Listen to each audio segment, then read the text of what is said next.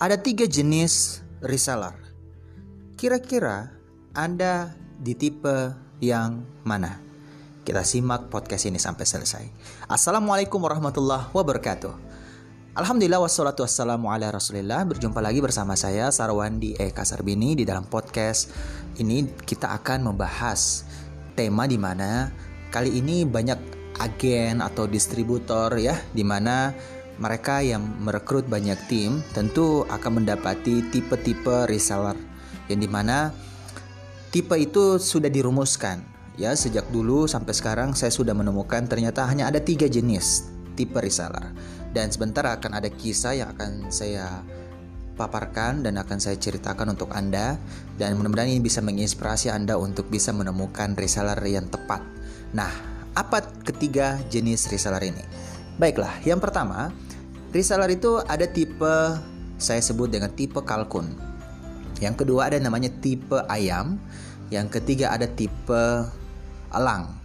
Oke, mungkin Anda bertanya-tanya kok menyebut nama burung? Ya, mereka adalah spesies dari Aves. Aves itu adalah uh, tipe burung ya, jenis-jenis burung yang di mana mereka ini punya ciri, di mana mereka punya kesamaan. Kesamaannya yang pertama punya sayap, mereka punya kaki dua dan punya paruh gitu ya dan pokoknya mereka tipe Aves begitu. Nah, tapi ada yang membedakan. Nah, inilah kita akan melihat reseller kita ini berada di antara ketiga golongan ini. Yang pertama tipe kalkun. Tipe kalkun kadang kita menemui ya tipe reseller seperti ini. Mereka punya sayap tetapi mereka tidak pernah menggunakannya untuk terbang. Kita sudah sering motivasi, kita bimbing, tetapi mereka tidak bisa terbang. Tahunya mereka lari aja, bahkan kabur ketika diajak ikut training, diajak ikut Zoom, diajak untuk belajar, mereka no respon, ya gitu. Nah, tipe ini pasti akan Anda temukan di dalam bisnis Anda. Nah, maka kalau Anda ketemu seperti ini, fokus Anda kepada orang ini itu harus sangat minimal. Tidak boleh maksimal untuk Anda terlalu lama fokus ke orang seperti ini. Ya, reseller jenis seperti ini. Nah, maka Anda boleh beralih ke tipe reseller berikutnya. Nah, coba Anda cek. Tipe reseller yang berikutnya kayak gimana? Tipe reseller yang berikutnya yang kedua adalah tipe ayam. Tipe ayam, kita bisa melihat ada tim kita, reseller kita itu banyak sekali Misalnya ada lebih dari 5, 10 atau bahkan 100 atau bahkan ribuan. Anda akan menemui banyak banget tipe ayam di mana ketika dia disemangati, dia terbang karena dia punya sayap. Ketika diberikan reward atau diberikan punishment, mereka terbang. Ya, mereka akan bergerak begitu. Tetapi ketika kita tidak memberikan reward, tidak beri punishment, atau bahkan satu lagi, kita tidak pernah lagi memotivasinya, maka dia juga kehilangan motivasi. Selalu bergantung dengan siapa leadernya, dia bergantung selalu dengan mentornya, dia selalu bergantung dengan kita sebagai distributor atau agennya. Akhirnya dia akan terus membutuhkan namanya bara api. Ya, ibarat mobil remote control, Anda tahu mobil remote control itu kalau Anda punya mobil remote control keluar dari jarak frekuensinya pasti tidak bisa lagi dikendalikan. Dia akan diam, dia tidak akan uh, jalan lagi begitu. Dia akan hanya bisa bergerak ketika frekuensi atau jarak bara api ya semangat itu berada di sekitar kita saja. Nah, kalau terlalu jauh, terus juga jarang buka grup, ya grup WA dan sebagainya, maka saya yakin tipe ayam ini hanya akan tersemangati ya, dia akan termotivasi ketika ada kita. Kalau tidak ada kita, dia tidak bisa terbang lagi. Maka orang seperti ini, tipe reseller seperti ini, ya fokus Anda tidak boleh begitu besar. Dia berada di tengah-tengah. Maka ada tipe ya reseller yang di mana kalau Anda ketemu ini, dia akan sangat-sangat sedikit sekali jumlahnya dibandingkan seluruh jumlah reseller Anda. Apa yang ketiga? Ini adalah tipe elang. Oh ya, tipe elang. Ya, tipe elang ini dia akan tetap terbang. Dengan Anda atau tanpa Anda, dia terbang. Karena dia punya motivasi, dia punya tujuan, dia punya mata yang tajam, dia punya target yang jelas. Sehingga kalau kita sudah menemukan tipe elang ini, wow, dia akan membuat bisnis Anda bertumbuh walau Anda ada ataupun tidak ada. Maka teman-teman semua, ada sebuah kisah yang ingin saya sampaikan. Kisah ini ada seorang pemburu. Jadi dia memburu menembak elang dan ketika dia melihat ada elang di atas pohon, dia tembak, pung, kena. Dan sayangnya elang itu nyangkut di pohon. Ketika tahu nyangkut di pohon, akhirnya pemburu ini ya penembak ini dia memanjat pohon untuk mengambil hasil buruannya. Tapi apa yang terjadi ketika dia melihat ternyata di atas pohon itu sang elang ini ternyata mengerami ya dua telur. Ternyata dia punya calon anak begitu. Dia punya telur untuk diarami sehingga bisa punya anak begitu.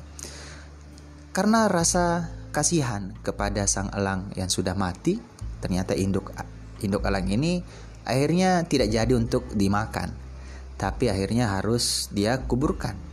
Dan dia pun membawa dua butir telur. Nah, saat turun ke bawah dia pun sudah menguburkan induk elang. Lalu kedua telur ini dia masukkan ke dalam kandang ayam di mana sang ayam ini sedang mengarami banyak telur. Dan ketika dimasukkan seperti itu, ya, sudah sedang diarami oleh induk ayam, akhirnya satu persatu mulai menetas. Semuanya sudah menetas, tapi tinggal dua telur ini agak sedikit lambat. Dan akhirnya menetas, selesai semua lahir, dan akhirnya induk ayam mulai mengajari anaknya untuk mencari makan, mengais-ngais, terus ya pokoknya luar biasa lah kehidupan ayam seperti apa. Namun ketika mulai sedikit beranjak begitu, ya mulai bisa jalan ke sana kemari, ternyata ada keanehan yang dilihat oleh induk ayam ya terhadap anaknya yang dua ini dan di mana kalau anak-anaknya yang lain itu tekun ya rajin. Tapi dia melihat anaknya yang dua ini itu loncat-loncat teriak-teriak. Teriakannya itu beda. Nah kayak seperti orang yang sedang uh ada ambisi gimana gitu. Dan akhirnya dia menyampaikan kadangnya eh kamu tuh jangan loncat-loncat. Tuh lihat kakak-kakakmu. Ikuti dia ya. Kamu cari apa namanya? Cari makan yang tekun supaya kamu bisa menjadi ayam yang sukses di kemudian hari. Dan ajaran seperti itu membuat sang dua apa namanya? anak ini ya, anak elang sebenarnya akhirnya ya mau tidak mau dia akhirnya ikuti eh, induk ayam karena dia menganggap itu adalah ibunya. Tapi ketika beberapa hari kemudian saat mencari makan lagi, tiba-tiba, tiba-tiba ada elang yang begitu besar terbang melintasi di atas anak-anak ayam itu. Dan banyak sekali ayam saat itu di, uh, ayam yang lain itu mulai berteriak sembunyi sembunyi. Termasuk induk ayam mengatakan pada anaknya ayo sembunyi sembunyi. Ketika semuanya sudah sembunyi ternyata dua anak ayamnya ini ternyata masih ada di luar tidak keluar dan apa yang terjadi ketika datang burung elang yang dewasa, yang besar, dia bergerak, jalan, tung, tung, tung.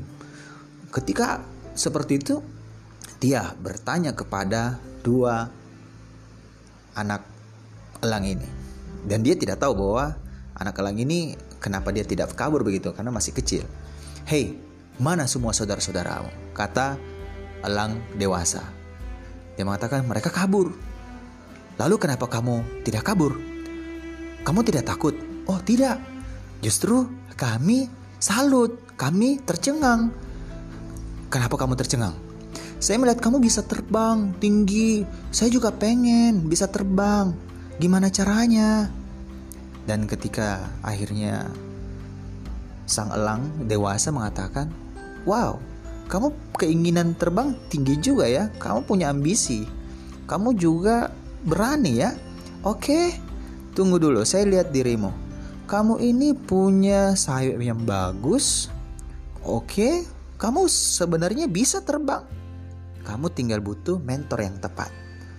Kalau begitu, ajari saya dong. Ajari kami berdua. Oke, saya akan ajari kalian ya. Tapi kalian harus bersabar. Karena pasti setiap kita berjuang akan jatuh dan pasti kita terus mengalami yang namanya proses, ada pengorbanan. Bisa jatuh, tapi ingat, setiap kali jatuh, bangkitlah dan terbang lagi. Dan akhirnya proses pun dijalani. Dan betul, ketika dua anak elang ini mereka terbang, dia jatuh. Bangkit dan terbang lagi, jatuh lagi.